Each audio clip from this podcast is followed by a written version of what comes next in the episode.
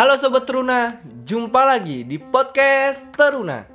Mari kita merenungkan firman Tuhan di hari Jumat ini dengan menyiapkan hati dan pikiran kita.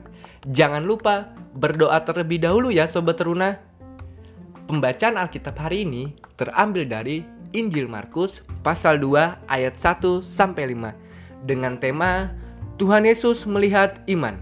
Sobat Teruna, bacaan hari ini menyampaikan sebuah kisah yang terjadi di Kepernaum ketika Yesus datang kembali ke sana.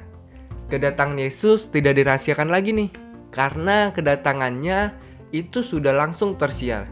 Akibatnya, datanglah orang banyak ke tempat Yesus tinggal, sehingga ketika Yesus berada di sebuah rumah, banyak orang yang berdatangan, sehingga penuhlah rumah. Tidak ada lagi tempat bahkan di muka pintu sekalipun. Pada saat itu, datanglah seorang lumpuh yang digotong oleh empat temannya.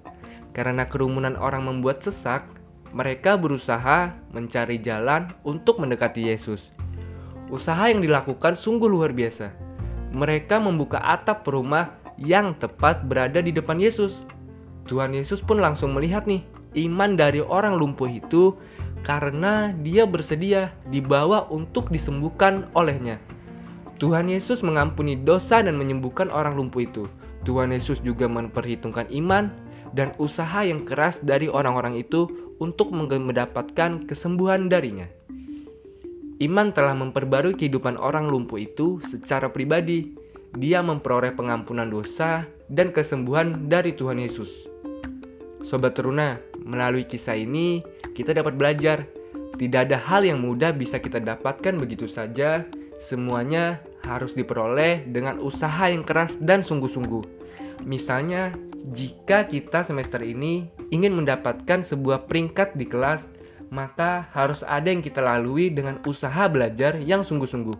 Karena apa yang kita tabur, itu yang kita tuai.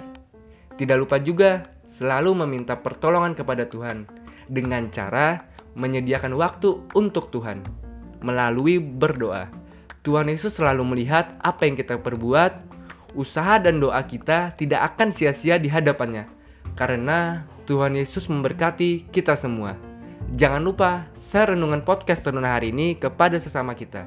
Sampai jumpa lagi di podcast Teruna hari Sabtu.